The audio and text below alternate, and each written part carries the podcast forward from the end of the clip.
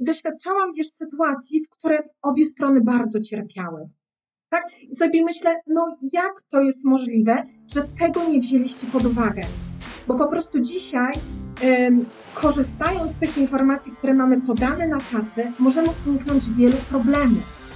Zapraszam do podcastu Rozwój Osobisty dla Każdego.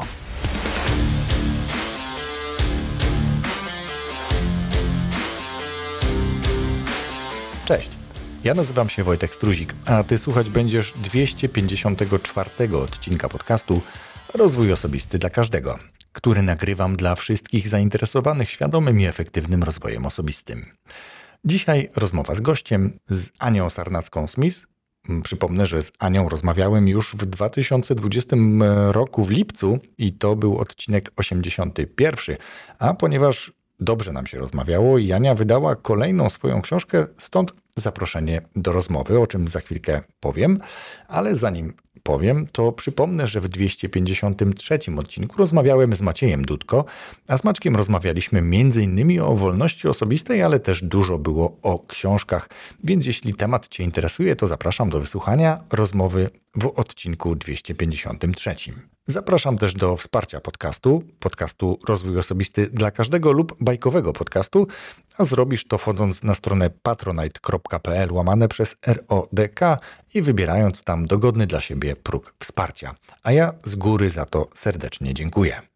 I teraz już zapraszam do rozmowy z Anią Sarnacką-Smith, a z Anią rozmawiałem między innymi o budowaniu i rozwijaniu zespołów, ale nasza rozmowa poszła również w kierunku liderstwa, poszła w kierunku informacji zwrotnej, poszła w kierunku budowania zaangażowania i wielu innych rzeczy związanych z zarządzaniem czy prowadzeniem zespołów. Więc nie przedłużając, zapraszam Cię już do wysłuchania tej rozmowy. Nazywam się Ania Sarnacka-Smith i jestem dzisiaj e, właścicielką firmy Effectiveness, która specjalizuje się w diagnozie kompetencji miękkich opartych o model DISC-D3. W ten sposób wspieramy działy HR, liderów zespołów w dostarczaniu informacji o człowieku, e, które pomagają budować silny biznes we wszystkich procesach HR, od rekrutacji przez codzienną współpracę po rozwój e, kompetencji.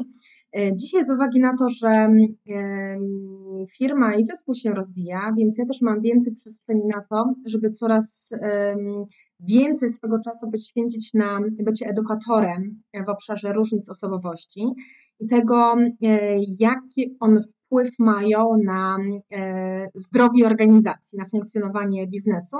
No i w związku z tym, że jestem praktykiem biznesu, bo tworzyłam swoje zespoły, cały czas prowadzę swój zespół i wspieram dzisiaj inne zespoły, e, to ta edukacja przejawia się choćby w tym, że e, piszę książki w tym obszarze, nagrywam podcast Everest Lidera. Cudownie. Znam ten podcast, znam książki, e, przynajmniej te pierwsze książki. O najnowszej chwilę poproszę Cię później, żebyś opowiedziała. Ale zanim przejdziemy do rozmowy o między innymi o budowaniu i rozwijaniu zespołów, to, mm, to nie jest nasza pierwsza rozmowa. To ci uważni słuchacze wiedzą, że pierwsze nagranie miało premierę w 81 odcinku, czyli w lipcu 2020 roku. No ale to już y, trochę upłynęło mm, i po mojej i po Twojej stronie, więc pewnie trochę też porozmawiamy o tym, co mogło się w międzyczasie, czy co się zmieniło w międzyczasie.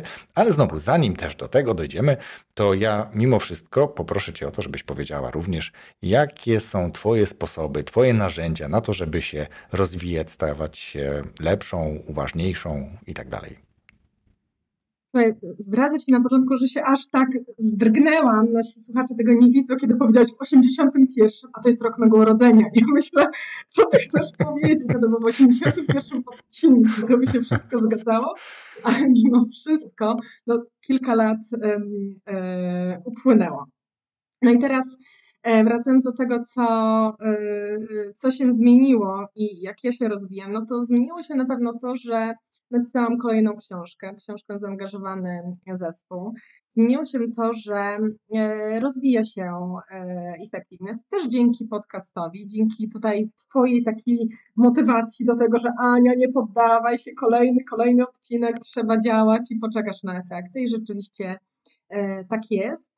E, I no, zmienia się na pewno moja świadomość wokół tego, e, kim ja jestem jako lider zespołu, kim chcę być, i dzięki temu jestem coraz, jestem w stanie coraz lepiej wspierać e, zespoły, z którymi my jako Effectiveness pracujemy. Mhm. Tak.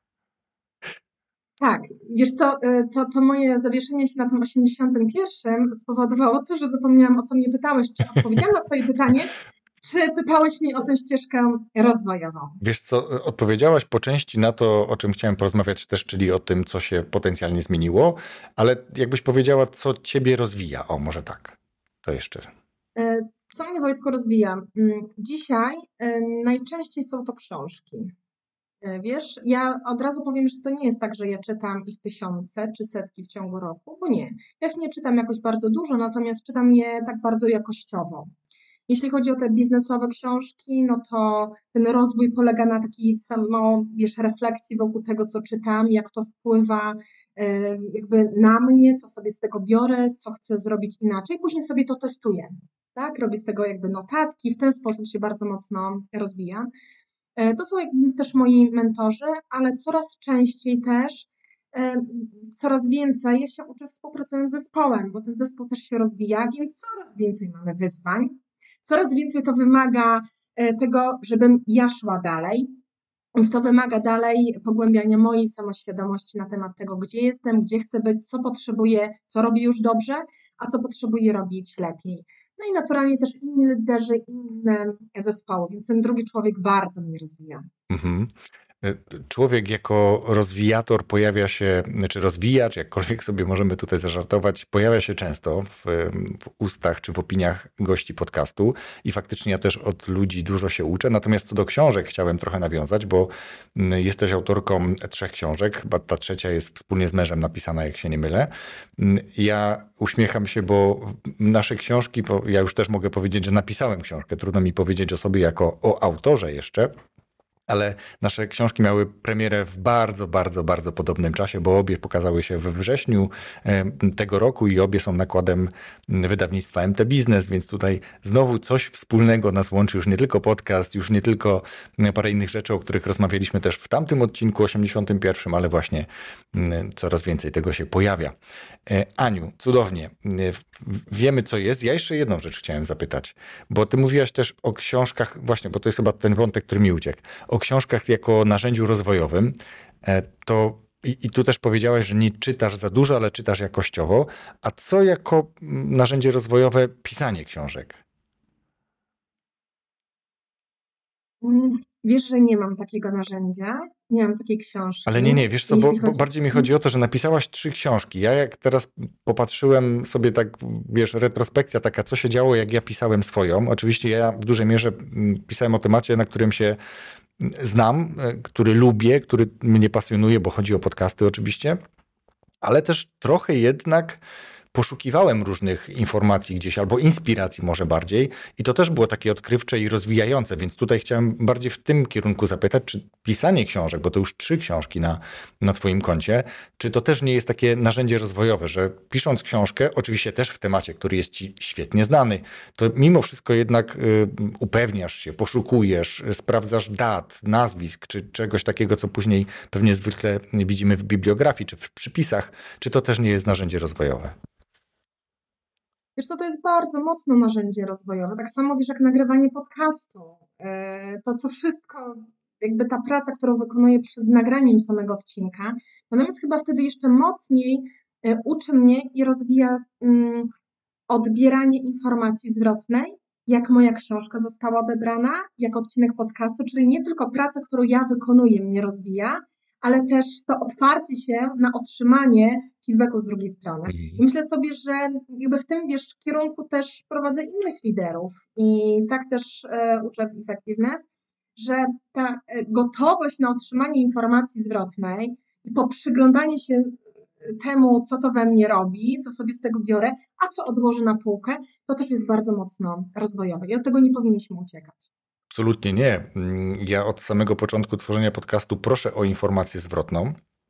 E, może już z inną częstotliwością niż kiedyś. Natomiast jeśli ty, drogi słuchaczu, chcesz w jakiś sposób przyczynić się do tego, to możesz na wiele różnych sposobów, czy to przez Spotify przydzielając odpowiednią ilość gwiazdek temu podcastowi. Tam chyba jest ponad 160 ocen, więc już bardzo dużo.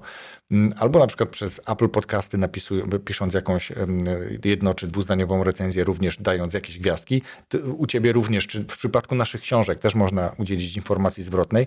I ja myślę, zanim wejdziemy znowu w temat zespołu, ale to może być dobre wprowadzenie, to bardziej dla mnie przynajmniej istotna jest ta informacja e, zwrotna, która niesie ze sobą krytyczną wartość merytoryczną, tak? Czyli jakby jest sensowna uwaga, co do której mogę wziąć ją pod uwagę w kontekście, nie wiem, lepszego tworzenia, lepszego rozwijania siebie, czy, czy robienia podcastu. Zależy czego oczywiście ta informacja zwrotna dotyczy, bo najmniej wartościowe są, choć bardzo miłe dla ego i dla samopoczucia, te, które mówią, no fajna na przykład książka, fajny odcinek, do, dobrze zrobione coś, tak? Ale to wiele nie wnosi. Nie można się od tego czystego wiele nauczyć. Co, co o tym myślisz? Wiesz, ja pewnie tak podręcznikowo, fajnie by to zabrzmiało, Wojtku, gdybym powiedziała, tak, Wojtku, masz rację, ja chętnie przyjmuję krytyczną informację zwrotną i to jest takie bardzo mnie rozwijające.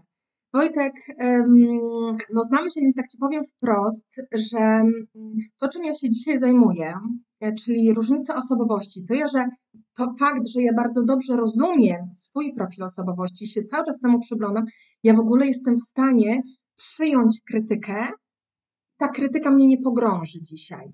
Wojtek, ja nie znoszę krytyki. Ty jesteś, coś, ty jesteś dalej czerwona.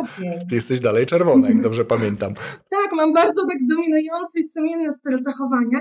Ja nie znoszę krytyki, co nie znaczy, że ona mnie nie buduje. Więc kiedyś, kiedy ja tego nie wiedziałam o sobie, ja na poziomie deklaratywnym oczywiście mówiłam, że czekam na informację zwrotną, bo ona mnie buduje, bo wtedy więcej mogę z tego czerpać, stawać się lepszy. No guzik prawda, kiedyś to robiłam, e, jakby tak mówiłam, ale nie, niekoniecznie to było narzędziem rozwojowym. Od momentu, kiedy ja rozumiem, im lepiej rozumiem siebie i mój styl zachowania, czego szukam, ale czego się też bardzo obawiam, rzeczywiście z tej informacji zwrotnej ja jestem w stanie zrobić użytek. Ona dzisiaj cały czas nie jest dla mnie wygodna, bo ja się tego bardzo nie lubię. Ale ja dzisiaj w stanie jestem powiedzieć, Ania, stop, pamiętasz? Wiem, że się tego obawiasz, ale nie nadużywaj tego, spokojnie, tak? poprzyglądajmy się temu. Wiesz, sama ze sobą prowadzę taki monolog wewnętrzny, który jest, no już sam ten monolog wewnętrzny jest dla mnie bardzo rozwijający. Tak, to fakt. I ja jestem wielkim fanem wszelkich testów osobowościowych i dlatego też zdecydowałem się właśnie certyfikować w metodzie DISC D3. E, śmiałem się kiedyś przez pomyłkę napisałem D4, ale to chyba nie do końca e, źle, bo coś, coś jest na rzeczy, ale to myślę, że przyszłość przyniesie. Natomiast wróćmy trochę znowu do, do książek, wróćmy do książek w dużej mierze o, o zespołach, o liderach, o relacjach tych bardziej zawodowych. E, pierwszy w, kolejności, jak się nie mylę, był Everest lidera, później siła różnic w zespole i teraz zaangażowany zespół. Mm, dwie ostatnie ewidentnie o zespołach. Pierwsza o liderze, ale no nie da się być liderem nie zespołu. Znaczy, można być pewnie liderem jakiegoś projektu, nie mając, nie mając swojego własnego zespołu, ale tak czy inaczej będzie to ten zespół, będą ludzie, z którymi się współpracuje. Czym albo jakie są największe różnice między tymi książkami? Albo co mają wspólnego? Co byś wolała powiedzieć? No słuchaj, to zacznijmy od tego, e, co jest tutaj prostsze, e, bardziej oczywiste. E, to jest to, co te książki łączy. Mm, ja zajmuję się różnicami osobowości i w każdej z tych książek pokazuję, jaki wpływ na moją efektywność osobistą, bądź efektywność zespołu, bądź organizacji mają różnice osobowości. W pierwszej książce Everest Lidera podejmuje temat postawy liderskiej. Tak jak wspomniałeś, w kontekście menadżera czy tego lidera zespołu, jakkolwiek nazwiemy, albo w każdym innym kontekście, w roli, którą pełnisz. Pokazuje to, e, jak rozpoznać to, co jest mocnego co wnosisz do tego zespołu, do tej organizacji. Pokazuje, jak budować swoją e, efektywność, jak e, bazować na tym, co rzeczywiście możesz unikalnego wnieść do, do tego zespołu, jak to rozpoznać i jak nie nadużywać tego, co nie będzie, nie będzie korzystne ani dla Ciebie, ani dla organizacji. Więc ten pierwszy EWS lidera jest bardzo takim kawałkiem samoświadomościowym, rozwijającym świadomość wokół tego, kim ja jestem, kim ja chcę być i wskazaniem na to, że nie ma jednego profilu liderskiego. Już wiesz, dzisiaj nie działa to, że ten lider zespołu ma być charyzmatyczny. Nie. Tu pokazuje, że jeśli chcesz być liderem zespołu, to ważna jest Twoja decyzja i rozpoznanie, kim Ty jesteś i co wnosisz unikalnego, jakie są inne profile liderskie. I w tej książce też inni liderzy właśnie różni, również dzielą się swoim e, doświadczeniem. Więc taka perspektywa własna, zacznięcie od siebie, bo od tego się leadership zaczyna. Temu poświęciłam Everest Lidera. E, następnie zrobiłam krok dalej. Pokazałam, co się dzieje w zespołach, czyli nie już tylko ja, ale w zespole nie jesteśmy samotną wyspą. Wszyscy na siebie wpływamy. I temu poświęciłam siłę różnic w zespole, żeby pokazać, jak to, kim jestem, będzie wpływało na innych. E, pozytywnie bądź niekoniecznie co inni, jak inni mogą mnie odbierać, jak różne osobowości mogą e, budować zespół, ale gdzie też będą te punkty, które powodują, że będziemy się ścierać. I pokazuje też, że to jest ok, wskazują, co trzeba zrobić, co warto zrobić, żeby e, no, przejść do, zrobić krok dalej, rzeczywiście iść do przodu, a nie utknąć w tym, co jest trudne. I jakby to jedna i druga książka służy pogłębieniu świadomości siebie, szczególnie ta pierwsza, a druga ja versus inni i to, co się dzieje między nami. No a trzecia książka, Zaangażowany zespół, to już tutaj krok po kroku, to dla mnie taki jest case study, taki przykład tego, jak w organizacji korzystać z różnic osobowości we wszystkich procesach, od rekrutacji przez wdrażanie pracownika, codzienną współpracę, rozwój kompetencji, tak? I później też e, no, w tym wszystkim też promocję e, pracownika i rozwój organizacji, żeby uzyskać to, o to wszyscy przecież wydaje się, że walczymy, chociaż to się wydaje, ma tutaj znaczenie, bo to jest bardzo często na poziomie deklaratywnym, czyli zaangażowanie naszego zespołu. No i to na przykładzie DISC D3 pokazuje, jak to narzędzie wdrożyć, jak czytać, przez przykłady pokazuje, jak te konkretne informacje pozyskiwane w badaniu pomagają w tych procesach, o których wspomniałam. Więc to ostatnie jest takim kompendium wiedzy o tym, jak z DISD3 korzystać, tutaj konkretnie z różnic um, osobowości. Mhm, siła różnic, dokładnie. Y, narzędzie jest świetne, to już mówię kolejny raz, nie tylko z punktu widzenia certyfikowanego konsultanta, ja nawet mówiłem trenera, no to, to, takie trochę wyolbrzymienie, ale powiedzmy, że y, jestem w stanie wesprzeć kogoś i zinterpretować jego wyniki, y, nakreślić jakąś ścieżkę rozwoju, cokolwiek mu pomóc w tym, żeby to nie wylądowało w szufladzie, co jest dość częstą praktyką, a szkoda, bo, bo badanie, jak wspomniałem, jest bardzo dobre, bo to nie jest tylko disk, ale znacznie więcej tam jest tych, tych wartości, które są istotne, czyli również to właśnie, jak ty wyglądasz na tle zespołu na przykład, tak? Czy jaka jest twoja rola zespołowa, chociażby. Czy to jak działamy w stresie, to mi się bardzo podobało na przykład. To, to, to pokazuje, mm, że mamy jednak może nie tyle maskę, co, co inaczej, inny zestaw narzędzi wtedy się uruchamia do, do tej pracy. Ale powiedzmy sobie o takiej sytuacji, kiedy no mamy tych liderów, mamy menadżerów na różnym poziomie, e, z różnym poziomem świadomości również, no bo to jest jakby nic innego jak zdobywanie doświadczenia. Można być całkiem świadomym, ale doświadczenie jakby ubogaca e, tę świadomość, e, wcale nie wyklucza absolutnie. I teraz no, mówimy o budowaniu zespołu, mówimy o rozwijaniu zespołu. Żeby rozwijać zespół, trzeba by go sobie zbudować. I od czego taką budowę dobrze byłoby zacząć? E, od takiej refleksji, wiesz, refleksja dla mnie tak naprawdę jest definiowanie, spisanie, ponazywanie tego, czemu ma służyć ten zespół. E, co ja chcę z tym zespołem osiągnąć. Czyli nie tylko kogo ja tam mam mieć, ale przede wszystkim dlaczego chcę mieć ten zespół i w którym kierunku ja mam pójść. W którym kierunku ja jako lider zespołu, skoro mam ten zespół budować, chcę ten zespół Wojtku poprowadzić. Bo, bo ja jednak nadaję ton temu, w którym kierunku idziemy, jak ze sobą pracujemy, co się dzieje w interakcji między E, poszczególnymi e, osobami. Więc dla mnie kluczowe jest e, odrobienie tej lekcji. Po co ja to robię? i dlaczego w tym, a nie w innym kierunku chcę zmierzać.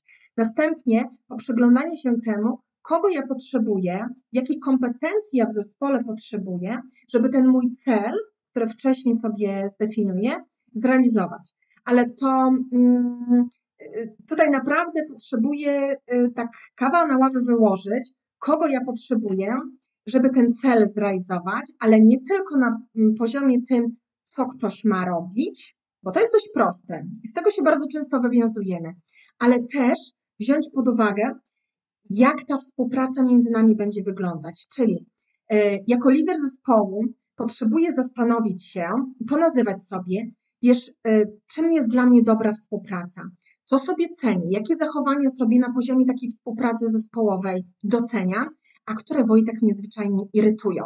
Kiedy, jakie zachowania powodują, że chcę trzasnąć drzwiami czy tym komputerem i po prostu wyjść. Nie mam ochoty z taką osobą rozmawiać.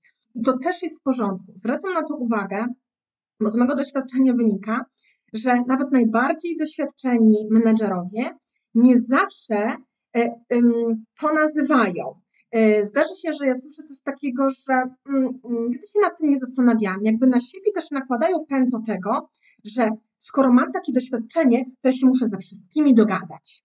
Nie, nie musisz. Dzisiaj my wiemy, że to jest przewidywalne, z kim ci będzie po drodze, a z kim nie. I tutaj co ważne, i to daje Disney 3, nie chodzi tutaj o tylko styl komunikacji, bo to jest najprostsze. Tu jesteśmy w stanie się tego nauczyć, podogadywać, ale ważne, żeby było spójność na poziomie wartości, na poziomie wewnętrznych motywacji, czyli tego, co mnie tam w środku kręci. Żebym ja z tymi ludźmi rzeczywiście jechała w tym jednym e, kierunku. I więc tutaj jest duża praca do wykonania i zobacz, znowu wracamy do tego, czego ja chcę jako lider zespołu. E, wiesz, ja na przykład dzisiaj wiem, że ja jestem takim liderem zespołu, innym to się może na przykład bardzo nie podobać, to może nie być popularne teraz, co powiem, ale Wojtek, ja wcale nie, daję, nie daję tak dużo niezależności w działaniu, ale ja taka jestem, ja tak buduję firmy, nie? To nie znaczy, że ja będę mikrozarządzać. Nie, ale ja tak dobieram osoby do zespołu, żeby w tym środowisku, gdzie ja jednak pracuję na dużych strukturach, u nas jakby dużo jest poukładanych procesów, działów, wszystkie spotkania, wszystko ma swoją strukturę. Nie każdy się w tym odnajdzie, tylko ja to bardzo dobrze wiem. Tak dobieram te osoby, żeby środowisko, które ja tworzę, im tutaj było dobrze. Ja dobrze wiem, komu nie będzie tutaj dobrze. Już nie ściemniam, nie, nie testuję tego i naprawdę wierzę temu, kim ja jestem, też kim jest ta druga osoba, którą zapraszam do współpracy. Mhm. I tu myślę, że wejdzie też ta mm, trzecia książka, czy też trzeci temat, tak naprawdę o mm, zaangażowanym zespole. Chociaż jak patrzę na tytuły, to, to chyba najpierw powiem o tej środkowej, czyli o tej sile różnic, dlatego że mm, nawet często doświadczeni menadżerowie łapią się na tym, że zatrudniają takich ludzi, którzy im pasują i wszyscy są tacy sami, których oni zatrudniają. Znaczy zawsze zatrudniają jeden typ, powiedzmy tak uogólniając, jeden typ osobowości bo ma sprawdzone, że się z nią właśnie dogaduje, że um, rozumieją się, jak to niektórzy mówią, bez słów. Natomiast siła albo sukces jest w zespołach, które są różne. E, może nie tyle diametralnie różne, ale tutaj bardzo mi się pasuje mi taki fragment z książki, którą czytałem dla e, Patryka Jasińskiego. Jego tytuł, tytuł, tytuł tej książki to Telebohater. O właśnie, to było o telesprzedaży gdzie mamy zespoły sprzedażowe i jakby możemy szybko przypiąć łatkę, że sprzedawca to taki um, wygadany gość czy, czy, czy, czy kobieta, um, kontaktowy, charyzmatyczny, dużo się dzieje, energetyczny i, i, i to jest jakby taka łatka, takie duże uogólnienie. Ale w książce Patryk i podejrzewam, że wielu innych mm, ekspertów od sprzedaży zaznaczają również, że są typy sprzedawców i jeden to sprzedawca właśnie będzie taki, który szybko mm, pozyskuje nowych klientów, który szybko nawiązuje kontakt, dobrą relację, buduje, jest w tym mocny, ale sprzedaż potrzebuje również tych, którzy niekoniecznie są świetni w budowaniu nowych kontaktów, w budowaniu e, czy zdobywaniu nowych klientów, ale są świetni w tym, żeby dowieść klientowi to, co zadeklarowali oni czy firma, tak? Czyli oni będą bardziej wyciągać już z tych klientów wszystkie inne potrzeby, będą analizować. Oni nie będą mistrzami pozyskiwania nowych klientów, ale są niemalże niezbędni, żeby firma e, efektywnie realizowała sprzedaż. I tak samo jest w każdym innym zespole. Potrzebujemy sił, silnych osobowości, ale różnych osobowości, które będą doskonale się uzupełniały, bo mm, wracając do Diska, będą osoby, które będą bardziej relacyjne, które będą wpływały na zespół, e, będą takie osoby, które będą miały jasne oczekiwania albo nie do końca jasne oczekiwania, że potrzebują więcej konkretów, że potrzebują więcej czasu, że potrzebują mm, jakichś danych do podjęcia decyzji, ale będą też tacy, którzy będą chcieli szybko, tu, natychmiast, zaraz i tak dalej. Więc no, i tu trzeba mieć świadomość tego, że raz, oni tak mają i to nie jest działanie ani na moje, e, na złość, ani na szkodę firmy, czy cokolwiek innego, tylko ten typ tak ma i świadomy lider, o czym rozmawiamy, będzie o tym wiedział i będzie umiał wykorzystać e, te wszystkie wartości, które w ludziach, różnych ludziach są. Tak mi się przypomniało. Najpiękniej o tym opowiedziałaś, ja do tego dodam, że ta różnorodność, yy, którą tutaj yy, nam przedstawiłeś, jakby bez dwóch zdań ona jest wspierająca dla zespołu. Tak powiedziałeś, w relacji z klientami różne kompetencje potrzebujemy. Natomiast to, co widzimy w badaniach i pokazuje mi doświadczenie, i to pokazuje i w tle różnych zespole, ale w zaangażowanym zespole bardzo mocno, że dużo łatwiej Ci będzie nawet zarządzić tą różnorodnością, jeśli będziecie mieć spójność co do wartości, co do wewnętrznych motywacji, czego sam warstwa disk, komunikacja nie pokaże. Nie pokaże. Nie pokaże. Chodzi o to, że wiesz, właśnie zatrudniamy nawet różnych e, od siebie, natomiast no, po iluś miesiącach zaczynają się schody, tam zaczynają się problemy. I te problemy nie wynikają z tego, że właśnie, wiesz, wnosimy tę różnorodność, która jest bardzo wspierająca dla zespołu. Problemy biorą się z tego, że ludzie się ścierają na poziomie tego, jak uważają, że środowisko pracy powinno być układane, poukładane, ścierają się na poziomie tego, co uważają za wspierające środowisko pracy i tam zaczyna spadać zaangażowanie. Właśnie w tym momencie. Zaangażowanie, i to było dla mnie, wiesz, takie rewolucyjne, kiedy ja to poznałam od definicji, i dlatego ten, tę różnorodność w zespole w tej trzeciej książce pokazuje przez ten konkretny problem, że my najczęściej zaangażowanie w zespole, zaangażowanie mylimy z tym, czym zaangażowanie nie jest. My myślimy, że jak ktoś, wiesz, pracuje, pracuje, wkłada wysiłek, to jest zaangażowany. No guzik, prawda.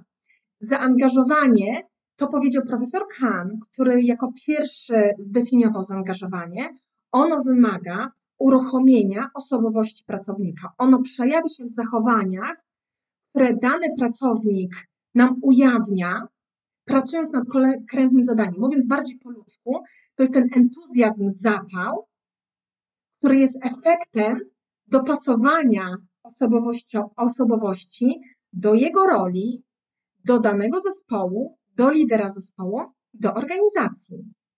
Wtedy mamy zaangażowanie i ono nie będzie spadało y, po iluś miesiącach. Często słyszę, bo po prostu to zaangażowanie spada. Nie. Ono nie będzie tak spadało, jeśli ktoś jest dopasowany i dobrze prowadzony. Bo to, do czego z Bradem, właśnie współautorem książki doszliśmy, że największy wpływ na zaangażowanie zespołu nie ma doświadczenie, czyli to wszystko, z czym on przychodzi. Nie? Nawet nie ma to yy, właśnie ten, ten zasób, ten zapał, ta, ta osobowość. Największy wpływ na poziom zaangażowania zespołu, ten długoterminowy, ma to, w jaki sposób ta osoba jest prowadzona, czyli talent management, uwzględniający osobowość pracownika. I w książce pokazujemy pewną formułę, jak to wyliczyć. E, tak to do, do książki e, odwołuję. To ma największy wpływ na zaangażowanie. I ja dzisiaj, kiedy do zaangażowania podejdę, nie wiesz jako do magii jakiegoś tam pokolenia, które dzisiaj po prostu nie jest zaangażowane, no jest bzdurą. Nie, to nie jest magia, to jest nauka, tylko my potrzebujemy wiedzieć, czym jest zaangażowanie, jak różne mamy osobowości i co my jako liderzy zespołów potrzebujemy wiedzieć o tych naszych osobowościach, żeby im poziom zaangażowania utrzymać. Mhm. Wtedy za, zarządzanie zespołem staje się naprawdę proste. O tym powiedział takim dla mnie bardzo przejmującym, wiesz, w wywiadzie w książce właśnie Zaangażowany Zespół, Robert Wójcik. On jest dyrektorem zarządzającym Bavaria Motors i w książce prowadzę wywiad z nim, jak praca z DISD3 tutaj zrozumieniem różnic osobowości pomogła w jego rozwoju liderskim, ale jest taki moment, który, wiesz, bardzo długo zapamiętam, w którym on mówi, Ania, to mi bardzo pomogło, ale wiesz co, sprawdź moich ludzi, ich zapytaj. Ja później poprowadziłam dwie rozmowy z jego współpracownikami, którzy dzielą się tym, jak między nimi wyglądała współpraca, kiedy oni sami nie rozumieli tego, kim są, co się dzieje w interakcji między nim a ich przełożonym, a jak dzisiaj ta współpraca wygląda? To myślę, że dokładnie jest tą osobą, mówimy o Robercie, która na mojej certyfikacji skierowała inną, innego pracownika tej organizacji. Ta organizacja pracuje bardzo mocno na modelu Disk D3 i, i to mi się bardzo podoba. Ja w innym, co prawda, modelu rozmawiałem o innych badaniach z, z Piotrem e, który mówił, że oni akurat wdrożyli u siebie Galupa. E, trochę o innych mówimy wartościach tam wtedy, jak całość opiera się o talenty, ale do czego zmierzam? Chodzi o to, że jeżeli organizacja przyjmie któryś z modeli, czy to będzie Disk, czy to będzie Galup, czy to będzie Insight bardzo podobny do, do Diska, czy, czy cokolwiek innego jeszcze, bo tych badań jest jednak troszkę, chociaż kluczowe są tak naprawdę w mojej ocenie może trzy z czego disk jest bardzo, bardzo e, wysoko, to jest to, żeby organizacja zrozumiała i zaakceptowała i wdrożyła i była później konsekwentna w realizowaniu tego, tak? Bo niestety ja rozmawiam czasami z ludźmi, oni mówią, e nie, to już jakieś kolejne badanie, to my mieliśmy coś tam. Mówię, dobrze, no mieliście i co dalej się wydarzyło po tym, kiedy mieliście takie szkolenie, kiedy jakiś trener was przebadał, dostaliście jakieś wyniki z tego, zostało to pewnie omówione bardziej ogólnie lub, lub bardziej szczegółowo. Co dalej się wydarzyło? No i najczęściej nic się nie wydarzyło, nic. prawda? Czyli znowu organizacja wydała podejrzewam niemałe pieniądze na to, żeby odbyło się takie szkolenie, warsztat wręcz. Ludzie dostają bogatą informację zwrotną na temat swoich wartości, zachowań, sposobu postrzegania przez zespoły, sposobów komunikacji. I później wracają do pracy, i to jest trochę znowu, ja często odnoszę się do takiego porównania: jedziesz samochodem, samochodem widzisz wypadek, zdejmujesz nogę z gazu na parę kilometrów tak? czy parę naście, dziesiąt kilometrów i później znowu wracasz do tego tempa jazdy, które było wcześniej. Więc przy takich szkoleniach jest szkolenie, jest czasami nawet efekt wow, że aha, to ja się dlatego z nim nie dogadywałem, a to on mi nie robił na złość, tylko on tak ma. No i mijają może miesiąc, może dwa, jeżeli nikt tego dalej nie kultywuje, w jakiś sposób nie rozwija w organizacji, to to jest właśnie przykład lądowania badania szufladzie i dalej przechodzimy do porządku dziennego nad tym, co było kiedyś. I mamy dalej te same problemy, te same nierozwiązane problemy bardzo często. Dalej być może le lecącą w dół motywację, nie ma zaangażowania właśnie, o którym pięknie opowiedziałaś. Więc no, to jest to jest, myślę, recepta dla menedżerów na przykład również, tak? Jeżeli ktoś ma możliwość, y, albo już jest po takim szkoleniu, to wrócić do tych materiałów i znowu zastanowić się, jak ja mogę to lepiej wykorzystać. Jak nie wiem, to się odzywam do, czy to tej firmy, która robiła, jeśli to był Disk D3, to trener prowadzący, albo wręcz bezpośrednio do Was, do Effectiveness, żeby mm, dać taki insight, taką wskazówkę, jak można to odgrzać, jak można do tego wrócić i pracować, żeby było bardziej efektywnie, żeby się zespoły, czy ludzie w zespołach dogadywali i no, szli na tą samą bramkę. Wiesz, ja mam wrażenie, to, jest ten element tak kluczowy w ogóle w korzystaniu z tego, tak jak mówisz, obojętnie o którym narzędziu mówimy. Tak?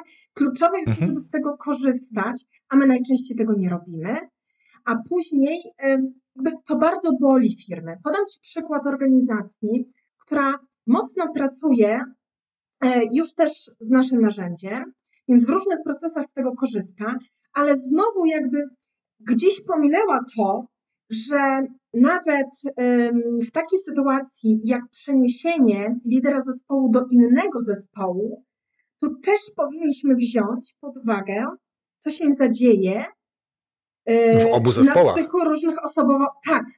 Mhm. tego nie wzięli pod uwagę i doświadczałam, wiesz, sytuacji, w której obie strony bardzo cierpiały. Tak? I sobie myślę, no jak to jest możliwe, że tego nie wzięliście pod uwagę? Bo po prostu dzisiaj korzystając z tych informacji, które mamy podane na tacy, możemy uniknąć wielu problemów. No i też jakby finansowych. Wiesz Wojtku, ja podaję, akurat Instytut Galupa to bardzo wyliczył, w książce się nawet e, powołuje, że oni wyliczyli, ile kosztuje brak zaangażowania.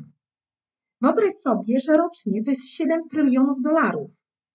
Wyobraź sobie w ogóle taką sumę. Globalnie. Tak, mhm, globalnie. Mhm. W Polsce, bo zaangażowanie nam rosło do pandemii, zaangażowanie zaczęło spadać globalnie i też w Polsce od pandemii. Dzisiaj na poziomie światowym zaangażowanie, mnie to szokuje, ale nie wszystkich, jest na poziomie 21%. W Polsce to jest 42% i czasami słyszę taki, wiesz, e, komentarze, o, tu u nas jeszcze nie jest tak źle. Spokojnie, w tej części Europy najszybciej spada. Dogonimy, to nie potrzebujemy dużo czasu. I wiesz, Wojtek, mnie zaskakuje to, że nawet mając takie dane, tak, wyliczone ile to nas kosztuje, dalej te różnice osobowości, czy to, z kim ja pracuję, zostawiamy na bok. Nie wiem, czy to jest kwestia tego, że jeszcze mało o tym wiemy, nie do końca wierzymy temu, czy, mm, no dobra, powiem wprost, to wymaga bardzo też tego zmierzenia się, drogi liderze zespołu, ze swoim ego. Bo praca z różnicami osobowości wymaga tego, że wpierw ja, jako lider zespołu, przyglądam się sobie. Co ty myślisz o tym? Tak, wiesz co, y, w pełni się zgadzam. Y, również ze swojego doświadczenia, bo to, że ja mam ponad 20, chyba już będzie w okolicach 5 lat doświadczenia pracy z ludźmi na bardzo różnych i moich stanowiskach, i jakby różnych wielkościowo zespołach, y, nie powoduje tego, że ja dzisiaj nie popełniam błędów, bo dalej je popełniam. Jak tylko pojawia mi się taka refleksja, to staram się wniosek wyciągać. Natomiast to jest trudne, kiedy ktoś tobie powie coś, co jest prawdą, ale ciebie to trochę może nie zaboli, ale no różnie reagujesz na to, tak? I to jest rzecz, która u mnie szybko się goi taranka, tak można powiedzieć, e, bo ja też dużo pracowałem i nad sobą, i nad ludźmi, z którymi ja współpracuję, żeby umieli mi pewne rzeczy powiedzieć. W niektórych zespołach wyszło mi lepiej, w niektórych y, dalej jest jeszcze praca. Natomiast spotykam się z tym nadal w różnych organizacjach, na przykład tam, gdzie prowadzę warsztaty czy, czy jakieś wystąpienia, gdzie osoby mówią, że no tak, ale u mnie na przykład się tego nie da zrobić, bo szef jest taki czy inny. Nie? Jakby y, taki czy inny, czyli nie dopuszcza jakby innej wersji wydarzeń niż ta, którą on sobie wymyślił, że będzie. Tu, tu nie mamy nic na rzeczy, jeżeli chodzi o kwestię siły różnic w zespole, bo tam nawet jeżeli jest ta siła różnic, to jest w żaden sposób nie jest ona wykorzystywana, bo jest lider, hegemon, który zawsze ma rację, jeżeli ktoś go krytykuje, no to jest na celowniku później. Nadal niestety w wielu organizacjach tak jest. Co jest pocieszające i tu też rozmawiam, czy to z Magdą Wachnicką, która też jakby z tobą współpracuje, czy z innymi ludźmi, którzy pracują w różnych organizacjach, często takich właśnie prowadzonych organizacjach przez liderów otwartych na różne rzeczy, na zmianę, na różnice w zespołach, i oni wtedy mówią: Widzę korzyść w tym, że się coś zmienia. Ja widzę zmiany. Mówią o tym, że liderzy się zmieniają, ale to jest moim zdaniem nadal jeszcze pewien wycinek. Ja, ja znam całkiem dobrzy liderów, którzy mają również dużo lat doświadczeń, ale są tak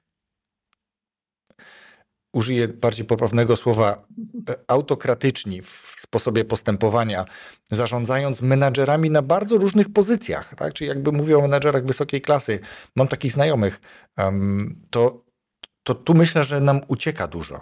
I właśnie ucieka tego zaangażowania. I nawet nie jest to kwestia tego, co też wspomniałaś w naszej rozmawianiu, że to są e, zespoły, które są na przykład nowe, im się nie chce, młodzi ludzie, to pokolenie Z, pokolenie takie.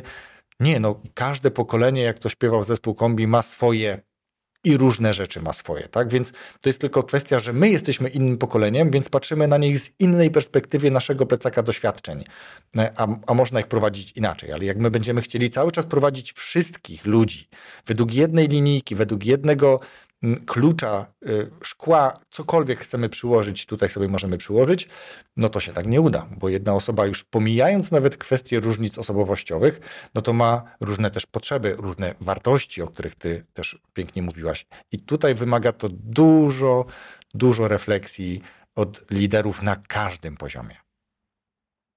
Mam kilka myśli wokół tego, co ty powiedziałaś. W ogóle pierwsze jest to, że bardzo sobie cenię Magdę Wachnicką. Wywiad z nią też jest w książce zaangażowany zespół. Uwaga. I też jest w podcaście. Dla mnie... I też jest w podcaście. Widzisz, te osoby się tak łączą.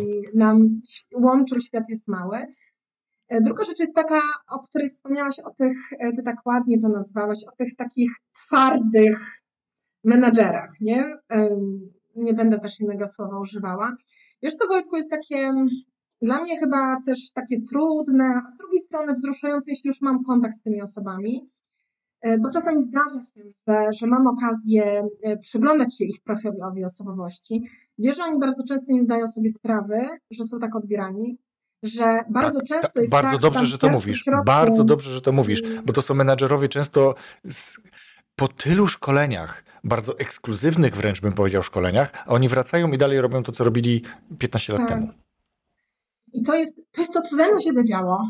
Dlatego ja się dzisiaj, wiesz, zajmuję DSD-3, bo on mi bardzo otworzył oczy, dlaczego e, te moje starania nie były zauważone tak? gdzie ja dowoziłam wynik, pracownicy mieli co chcieli, ja naprawdę spotykałam się, robiłam, wiesz, sesje informacji zwrotnej i tak dalej, i tak dalej, a i tak nie byłam słyszana tak, jakbym chciała.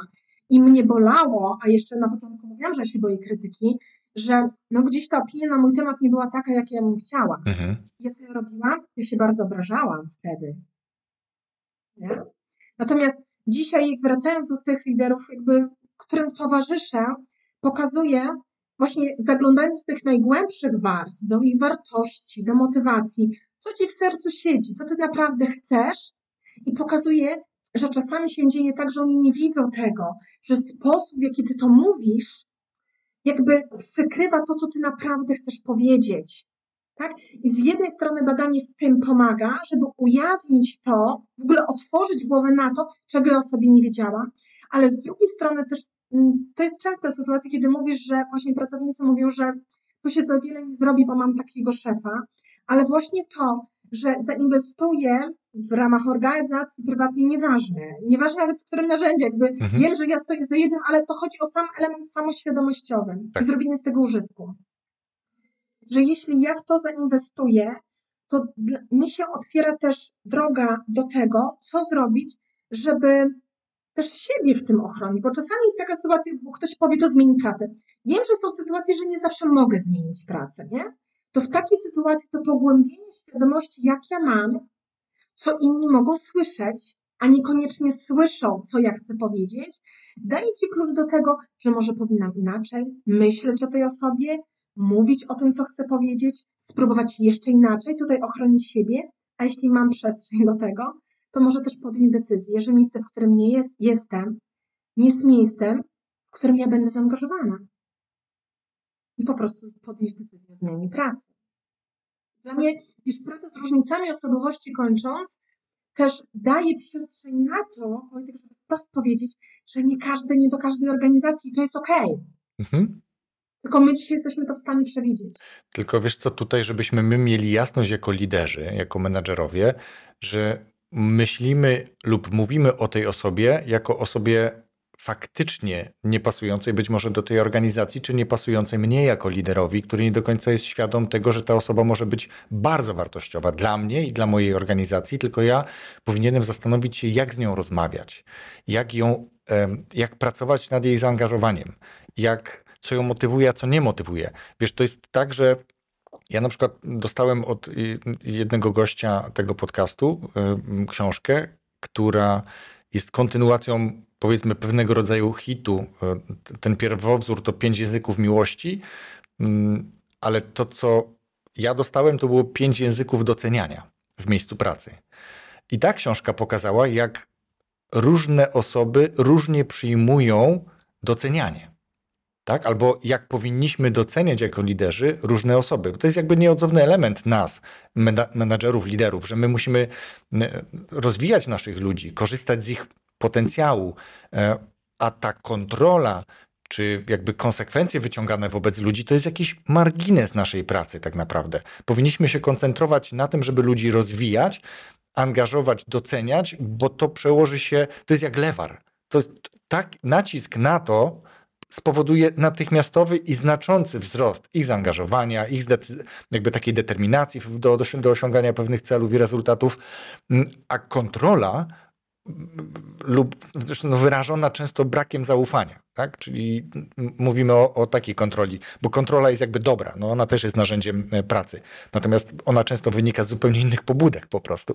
Jeżeli e, jestem tego świadom, a najczęściej jako pracownik jestem świadom, że kontrola wynika nie z procesów, nie z procedur, tylko z tego, że ktoś mi nie ufa, bo popełniłem być może jakiś błąd, albo za często pytam o coś, no to wtedy no, diametralnie leci moje zaangażowanie, i ciężko później będzie to odbudować. Nie? Ciężko będzie mi wrócić na te tory, które były wcześniej, które spowodowały, że chciałem pracować w tym zespole, bo jak to mówi przysłowie, którym pewnie tobie się już odbija, że przychodzimy do firmy, ale odchodzimy jednak od człowieka.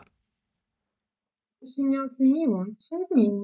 I myślę sobie, że to nowe pokolenie, które tak e, jest oetykietowane bardzo niesłusznie, mm, ono wręcz wymaga od nas, wiesz, widzę też w badaniu 360, że ono wymaga coraz e, częściej, czy w ogóle wymaga indywidualnego podejścia.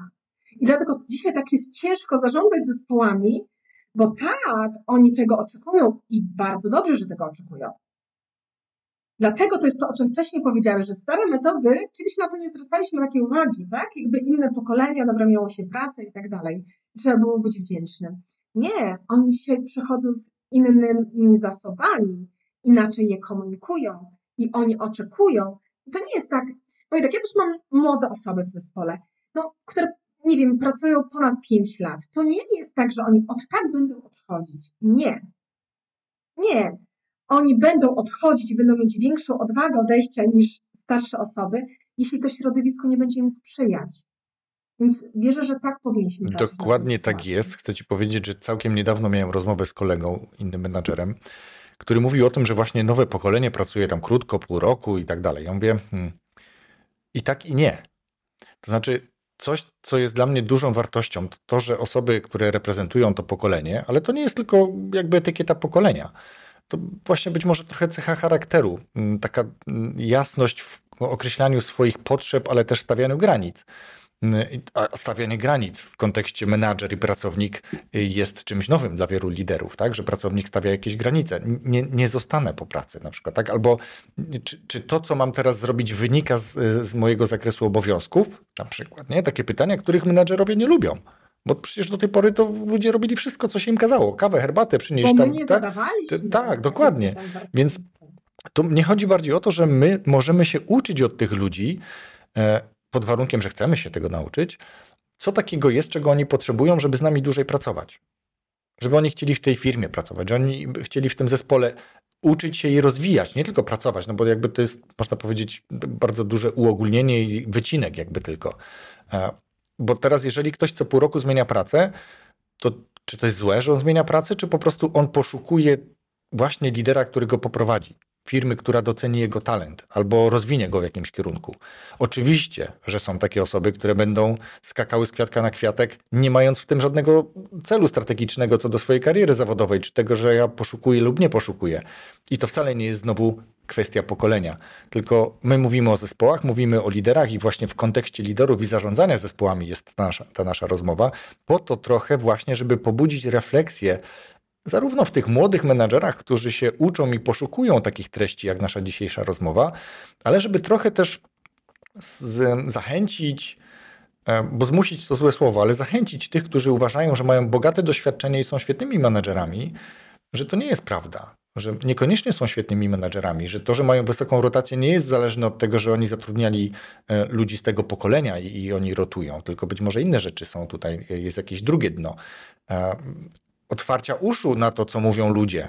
Bardzo często niestety w kuluarach, bo my jako liderzy, mówię uogólniając znowu, mówimy o tym, że tak, tak, przyjdź jak będziesz potrzebować, ale jak ktoś realnie potrzebuje, to mnie nie ma. Tak? Drzwi są zamknięte, jestem zarobiony, mam spotkania cały dzień i, i to tak jest. Więc tutaj jest naprawdę szereg takich rzeczy, które warto wziąć pod uwagę, mówiąc o tym, że chcę być liderem, nie tylko menadżerem, który zarządza zespołem, ale chcę być liderem tego zespołu. Chcę, żeby oni poszli za mną, a nie żeby poszli tam, gdzie ja im każę, żeby szli.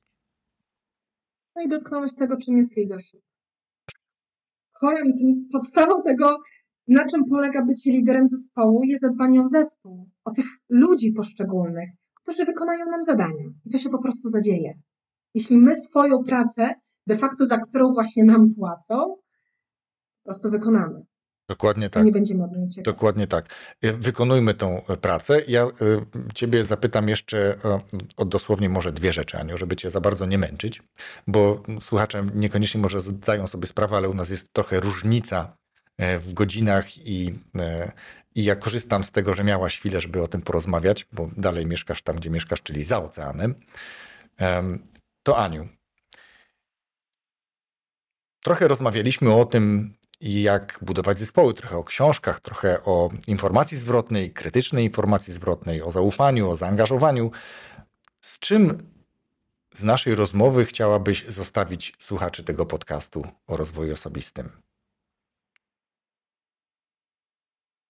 Wiesz chyba Wojtku z tym, że ludzie są różni, a żebyśmy myśleli o tym przez pryzmat tego, że każdy człowiek nosi inną historię. I żebyśmy w tym spotkaniu z człowiekiem próbowali, podjęli wysiłek, żeby tego człowieka zrozumieć, a nie oceniać.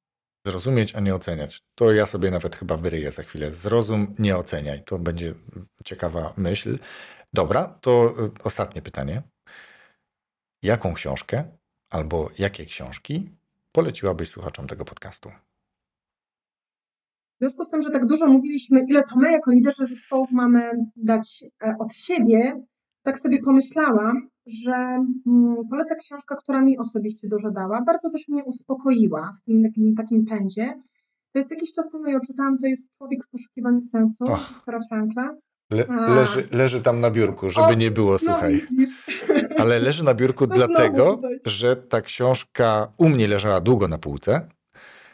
E, trochę się bałem jej, bo wiedziałem, o czym potencjalnie jest, ale kiedy ją przeczytałem, to ona teraz chodzi z ręki do ręki i właśnie dzisiaj mi przy, przyniosła koleżanka z pracy, która przeczytała i powiedziała, że przeczytała ją bardzo szybko i w ogóle jest piękna.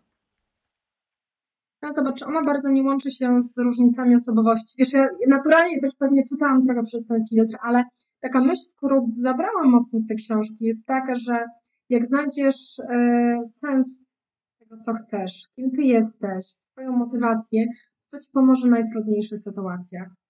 I ja sobie mocno to, to wzięłam do siebie i to szukanie sensu, tej motywacji, tego, kim chcę być i to przyglądanie się sobie, ale z dużą łagodnością. Mhm. Piękna książka, faktycznie. Ja nawet mm, powołałem się na nią w naszej, czy w mojej rozmowie z Maciejem Dudko w ostatnim odcinku podcastu, gdzie rozmawialiśmy o wolności. Ta książka też trochę o tej wolności jest, o wolności osobistej, o tym, jak możemy traktować tę wolność, e, co jest wolnością, E, faktycznie, jak my możemy to rozumieć. Nie? I tu w kontekście zarządzania zespołami również możemy mówić o tym, że albo ja jestem w korporacji i pracuję pod takim kieratem, nazwijmy to. Są ludzie, którzy bardzo źle mówią o e, tego typu organizacjach, albo sami doświadczyli jakiejś krzywdy, bo to też bardzo możliwe, albo po prostu opowiadają dalej historię innych ludzi. Ale jest też całkiem dużo ludzi, i tu ja się do tych zaliczam, którzy doceniają pracę w organizacji takiej jak y, ta, w której ja pracuję, albo w dużych organizacjach po prostu, bo jeżeli ja chcę z tej organizacji coś dobrego dla siebie wyciągnąć, to też dla tej organizacji coś dobrego muszę zostawić. I to jest nic innego jak tylko handel wymienny. Tak? I, nie traktujemy tego, mam nadzieję, jako praca mm, w obozie, gdzie jestem zacharowywany za marne pieniądze, tylko tak pracuję, żeby każda ze stron była zadowolona i wyciągam korzyści z pracy w tej organizacji, których jest szereg. Kiedyś może o tym porozmawiam. Zobacz, tak jest w każdej relacji, nawet prywatnej. Nie mogę tylko brać. To zawsze co ja oferuję, jeszcze ten element. Tak, dokładnie, to jest jak z tym kredytem zaufania. E, o właśnie, to jest też ciekawe, to ten wątek się być może pojawił w naszej pierwszej rozmowie, jak, jak dobrze pamiętam, że są organizacje, do których albo inaczej, może menadżerowie powinienem powiedzieć bardziej, do których przychodzisz i ten menadżer mówi: To jest mój plecak zaufania do ciebie. Jest pełen. Pracuj. I są menedżerowie, którzy mówią: Tu jest plecak, on jest pusty, nazbieraj do niego zaufania. Tak, żebym ja ci ufał. I, i to są. I to, są, to jest zupełnie inny start w tej pracy. Nie? No i tyle. Nie będę się rozgadywał, bo to już taka głęboka refleksja, ale myślę, że, że istotna, bo zaufanie jest bardzo istotnym elementem, żeby nie powiedzieć fundamentem pracy e, w zespole czy pracy zespołów. Mogę ostatnią rzecz do tego, co powiedziałaś, bo bardzo wiesz, mnie to poruszyło, bo zobacz Wojtek, jak z góry, jak to bardzo programuje, jaka później z tą osobą pracuje. Czy szukam tego, co robię nie tak, czy widzę to, co daję i to rozwijam, co, co mocnego wnosi. Dokładnie o, o to chodzi. Dokładnie o to chodzi, Aniu. Dokładnie tak. Tym samym pięknie dziękuję Ci za naszą rozmowę i było miło Cię zobaczyć i miło z Tobą było porozmawiać. Mi również. Dziękuję Ci za zaproszenie. Rozwój osobisty dla każdego.